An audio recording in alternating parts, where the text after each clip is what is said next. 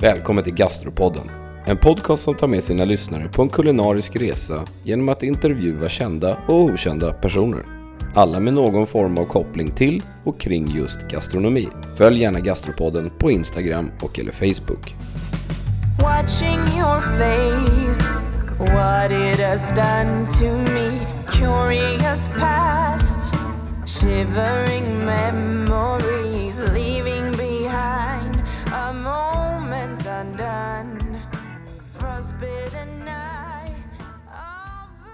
Håkan Törnström, välkommen till Gastropodden.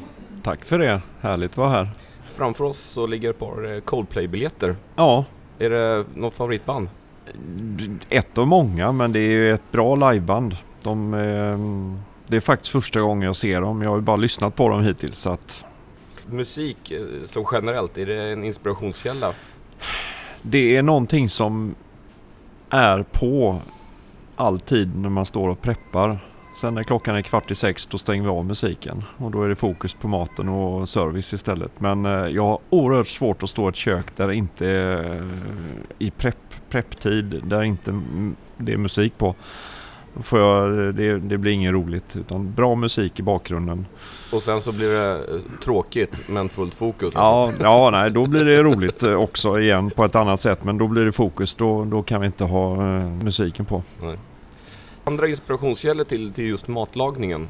Du har hållit på i nästan 20 år nu va, med, med Törnström kök? Ja, Snart. vi är inne på, vi går mot 20 året nu med, med den restaurangen och um, alltså dagliga inspirationskällor det, det är väl egentligen det, det som händer och sker i alla flöden, i alla sammanhang. Var man än är så får man inspiration på ett eller annat sätt. Det är ingenting sådär att jag aktivt söker utan det, det, man, man har det runt omkring sig. Så det är svårt att säga exakt vad. Men sen alla resor, visst absolut. Det är resor, internet, man kollar. eh, Det, det dyker upp saker hela tiden som man blir inspirerad av. Mm. Du var i Singapore ganska nyligen. Det stämmer. Ja, det var, det var en effektiv eh, vistelse där. Vi eh, jobbade service sista kvällen på, eh, på restaurangen hemma i Sverige och sen åkte vi tidigt på söndagmorgonen iväg och började jobba i princip när vi kom dit och sen körde vi järnet i en vecka och sen flög vi hem. Det var det. Det var det. Vi hann dock se lite utav Singapore också såklart men det blev mycket, mycket mer att göra än vad vi hade hoppats på eller vad vi hade räknat med så att säga. Så att det var lyckat. Som sagt, snart 20 år. Eh, En god vän till mig som är äldre än vad jag är och har följt din resa ännu närmare vad jag har gjort. Mhm. Har ätit många gånger hos er. Och han sa, st- måste ställa frågan, hur fasiken går det att hålla eh, den nivån som du har gjort så pass länge? Ja, Det är väl för att man är så korkad som man är. Man, man är så pass enkel i, i, i sinnet så att man, man vet ju inget annat. Utan det är, det har jag alltid sagt att den dagen det inte är roligt att gå till jobbet då, då ska jag fan ta ner skylten från restaurangen med en gång. Alltså det finns ingen anledning att jobba då. Men det händer inte än på ett tag va? Nej, det, hittills har, har det varit eh, positivt. Så att det, nej, men det, det är så jädra kul trots allt. Det är, visst, det är samma restaurang. För sex år sedan så öppnade vi en annan restaurang i Göteborg som ett komplement till Törnström kök. Eh, och, och, eh, Är det ja, privata rum? Privata rum heter det, precis. Ehm, men eh, nej, det, det, det, det är ju liksom ett ständigt flöde av nya medarbetare med eh, hygglig... De är kvar. Ja, ibland hade man önskat att de var kvar något år till kanske innan de väljer att sluta. Men det kommer ju alltid ny, nya människor in, in, in på livet när man står och jobbar tillsammans. Och, och sen är det ju inte minst alla gäster då som kommer som gör att det blir, varje dag blir ganska unik egentligen. Mm. Ja, därav är det rätt spännande att gå till jobbet. Man vet ju aldrig riktigt hur varje dag ska sluta riktigt. Har det skitit sig någon gång riktigt? Ja, det har det väl gjort också såklart. Men det, det är ingenting man för bo på riktigt. Utan man förtränger väl de där och lär sig av de misstagen som... Nej, men det händer väl alltid grejer. Och det är väl det som gör att det, det är det här... Man jobbar med rätt stor kontroll i, i det man gör. Men eh, sen finns det ju ett utrymme för det här som du måste liksom leva med att improvisera och ta, ta för vad det är när det kommer. Nu nämnde du privata rum också. Kan du berätta lite om de två restaurangerna, alltså köket och, och sen privata rum och Mm. skillnaden lite på dem? Eh, ja, Törnström kök som jag nu har haft eh, i 19 år tillsammans med min fru Anne. Vi driver våra verksamheter tillsammans och eh, ja, där eh, som sagt, den har varit igång i 19 år. Vi har ju alltid försökt och haft ambition på att göra så bra som möjligt ifrån oss där och, och eh, har väl enligt bedömare eh, gjort hyggligt ifrån oss. Det är upp till andra att tycka det där tycker jag men eh, Ja, vi, li, vi ligger på en adress som är rätt, eh, ja på ren svenska, en riktig jävla sketadress eh, egentligen. Men eh, om man ser till att folk bara ska gå förbi och tycka att åh vad trevligt, här ligger en restaurang. För det händer ju inte där uppe. Mm. Eh, utan folk kommer dit av andra anledningar och hittar oss ändå. Mm. Och det är väl jättefantastiskt egentligen. Ja men det är ju... Det är väl det man vill. Ja men precis. Så att det, det, är- det är roligt eh, att det är på det viset. Men sen eh, sedan sex eller ja, snart sju år är det väl så öppnade vi då privata rum som ett komplement till Törnström kök. Eh, där vi mer placerar större bokade sällskap, festvåningsverksamhet mer kan man likna det vid. Det är ju så vanligt att ett sällskap på 20-25 personer de vill gärna sitta själva. För de ska fira någonting, de ska sjunga eller det, det, ja, det kan vara vad som helst. Eller spela musik. Ja, någon, ja, vi har en kille som lirar gitarr. Ja, ta med han då. Det, eller så är det en svensexa och de ska inte vara bland andra gäster en, en sån kväll. Så att eh, då har vi löst det. Eh, Och all cateringproduktion, när vi gör must och sådant på hösten så gör vi det, och avsätter vi tid för det där nere. Så att där är det väldigt växlande verksamhet från dag till dag hela tiden. Drivs, eh, det är en kökschef på privata rum, eh, Jonas, och eh, en på Törnström kök. Så att de sköter ju liksom sina, de är operativa i, på sin respektive adress, eh, daglig verksamhet och ah, ska vi säga formellt ja, svara till mig. Nej men de, de sköter det väldigt bra och, och jag får vara med och men när jag dyker in där så går jag ju mer in som kock Mm. och underordnar mig dem i, i, i den servicen som de har förberett. Ehm, speciellt nere på privata rum, där, där, är, där kommer jag ner dit nästan mer för att inte producera undan grejer utan det är nog mer för att ja, vara där inledningsvis när gäster kommer och, och ja, man, tydligen blir eh, upplevelsen lite bättre om jag är på plats emellanåt. Ja men det blir den ju. Jo, jo, jo man får stå där och ljuga lite grann en stund. Du, eh, menyn på, på Törnströms kök är väl, eh, kan man säga att den är ganska svensk klassisk? Ja, men klassiskt men, men med, med lagom dos av lite nya. al- Alltså det, tittar jag på menyer som är äldre över de 19 åren. Jag har inte sparat så hemskt mycket utav det men jag vet ju vad vi gjorde för många år sedan. Och det sker ju en ständig utveckling ändå tycker jag. Så att, eh, och speciellt de sista åren faktiskt. Mer, mer att ja, ska jag säga, mer att gå ifrån den klassiska eh, lite tyngre maten så har vi ju nog lättat upp det mycket mer med, med tidens anda. Mm. Men fortfarande hävdar vi ju, mm, och jobbar med svenska regionala råvaror så mycket som möjligt och det är ju inget unikt på något sätt men eh, eh, vi får uppskattning för det och, och eh, både nationella och internationella gäster eh, gillar den typen av mat. Det är, det är väl väldigt, jag menar, det finns ett bra engelskt uttryck som jag gillar väldigt mycket. Det är proper cooking. Som är, det, det, det liksom talar väldigt mycket om vad det är riktig, det är schysst mat liksom. Eh, serverat med, med eh, stor kunskap.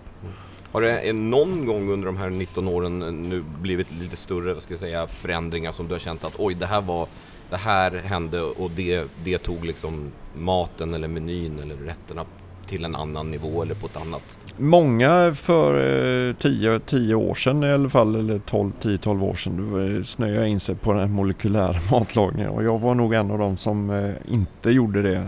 Lite sådana här pulver och skit hade man väl på hyllan som man testade med. Så här, nej, det där är jag, nej. Det det, behövs ju inte. Nej, faktiskt inte. Utan det är, vad är det för fel på en, eh, en, en god vällagad sås eh, till? Det behöver inte vara eh, en rök som kommer in från sidan. Nej, jag vet inte. Det, för mig gav inte det så mycket. Så det, det passerar mig ganska obemärkt den, den typen av... Och nu har det vis, tycker jag ändå att det har liksom...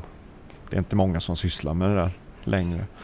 Eh, men, men däremot de sista fem, fem åren i alla fall så har det blivit väldigt mycket mer fokus på, och det är ju nästan på anmodan av gäster, eh, att det tas för givet att det är ekologiskt och att det är närproducerat, att det är rätt i säsongen och så vidare. Det är mycket, mycket mer uttalat det. Alla vill veta var fan till och med gräslöken kommer ifrån liksom. Mm.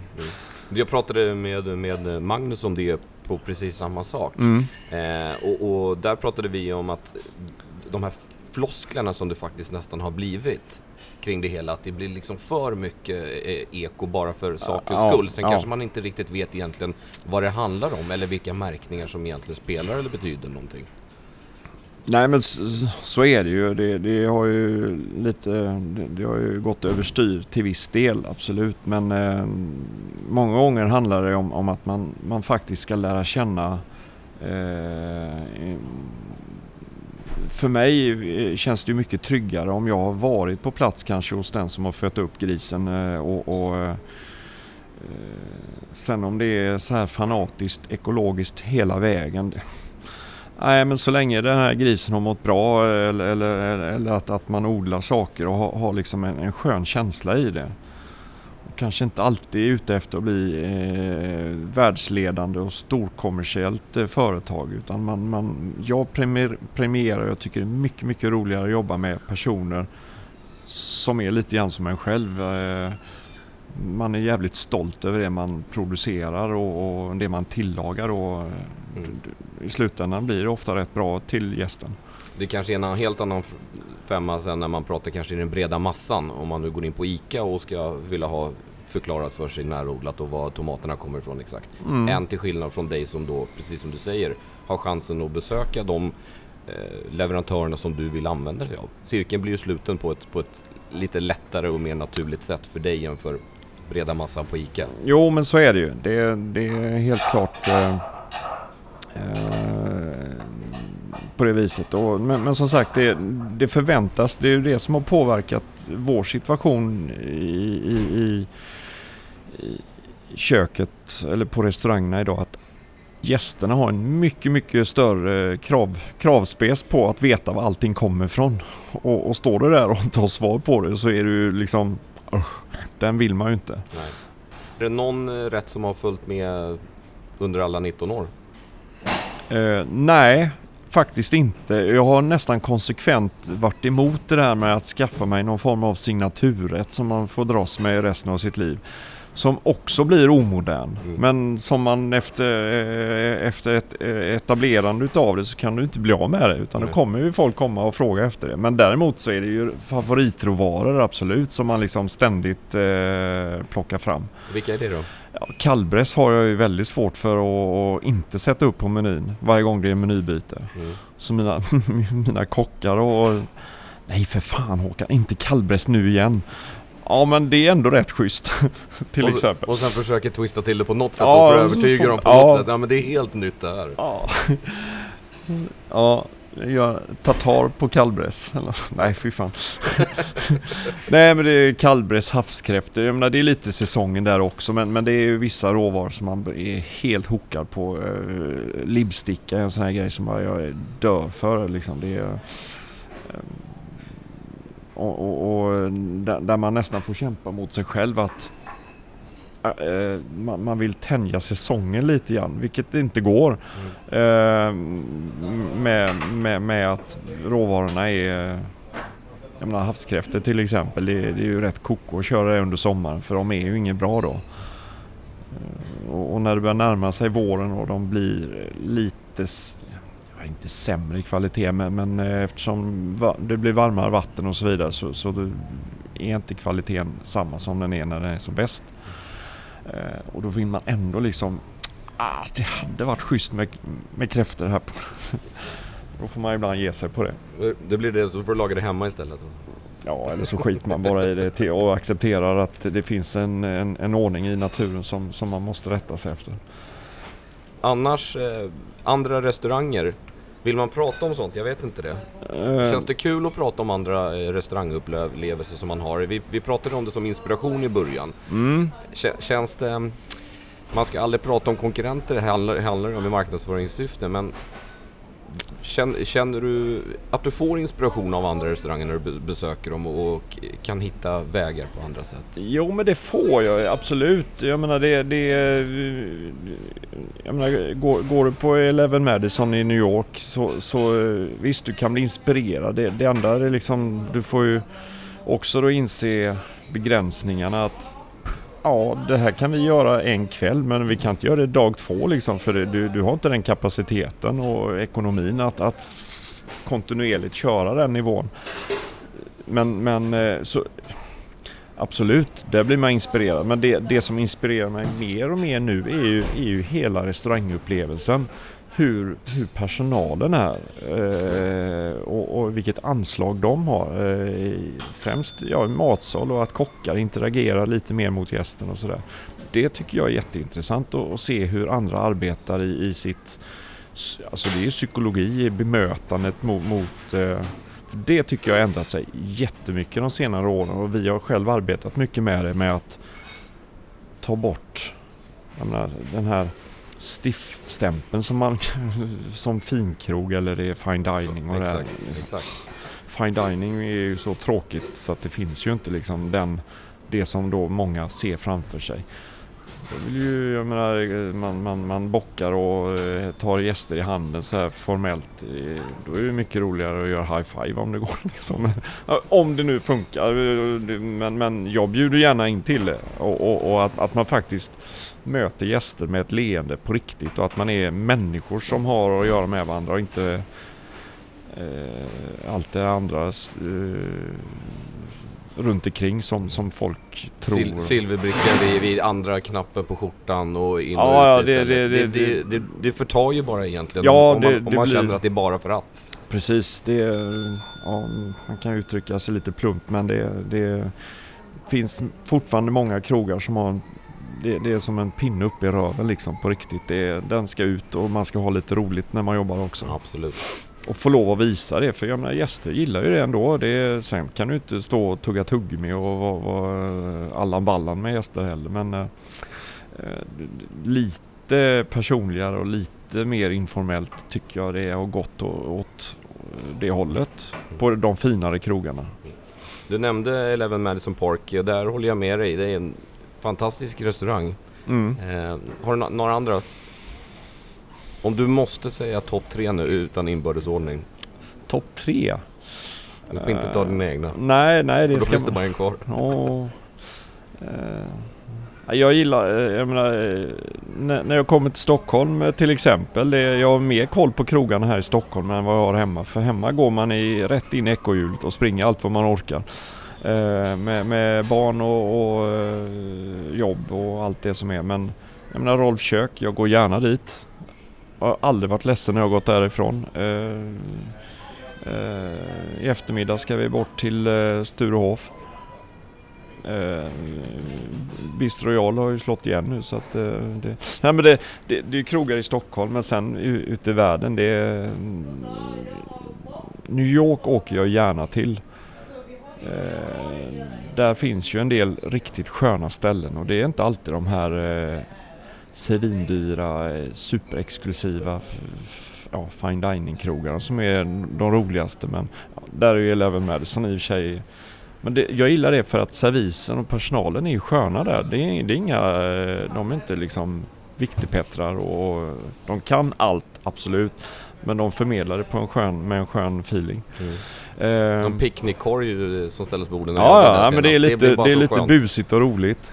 Eh, Dirty French var ett ställe vi var på nu eh, senast när jag var i New York som var riktigt häftigt.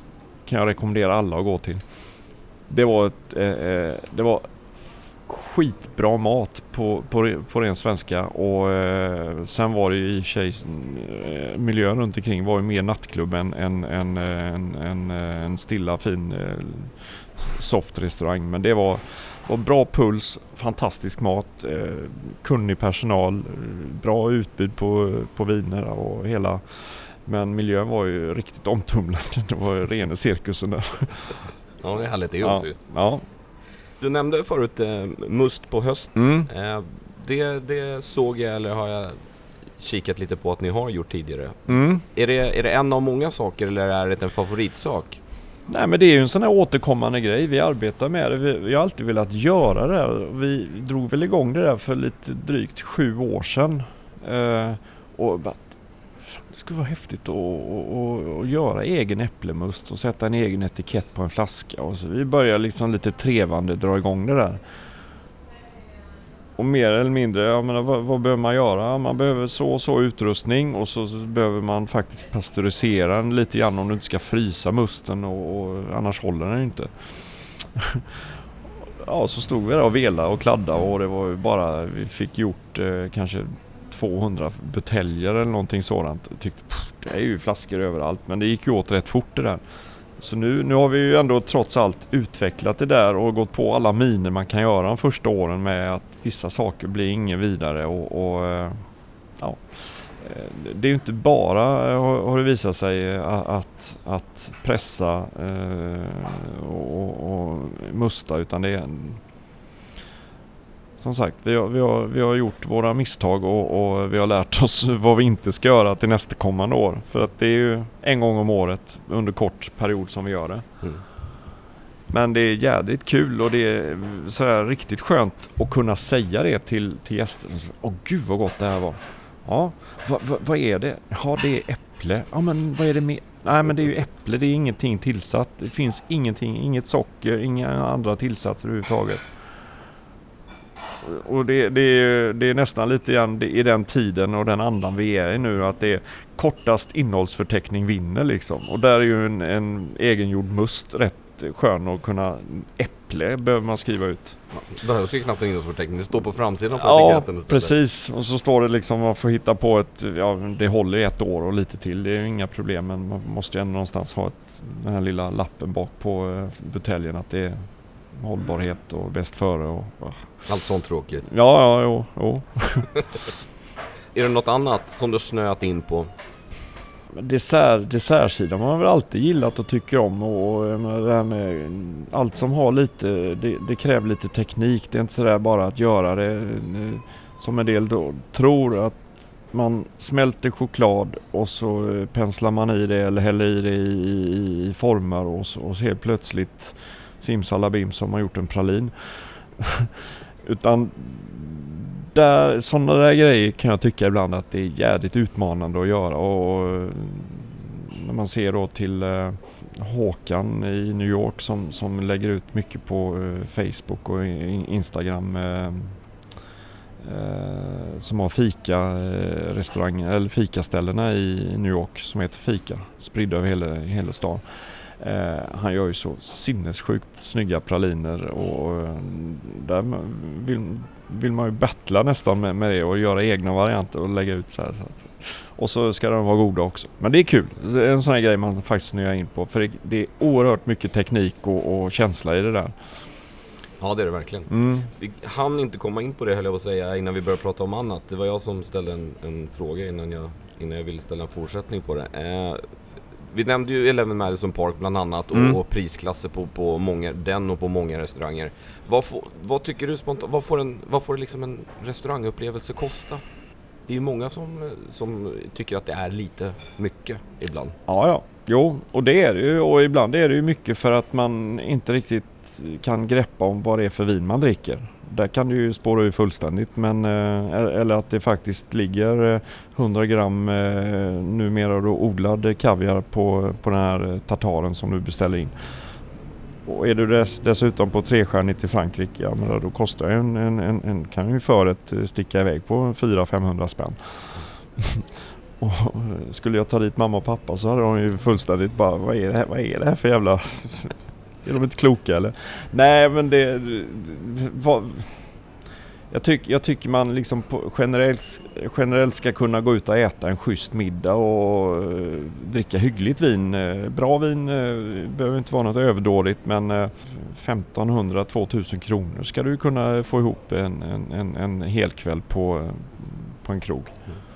För många år sedan så lurade jag med faktiskt några vänner på ett på Noma. Mm. Eh, som inte då hade det här intresset som jag hade överhuvudtaget. Och, mm. och det var ju liksom, för de förstod ju min sits när det liksom började pratas på planet ner till Köpenhamn och, och kvällen innan hur det skulle göras och de sa ja. ju mer eller mindre ja ja nej men visst vi får se, det är ju bara en lunch och sen så det kostar bara jävligt mycket men vi får se.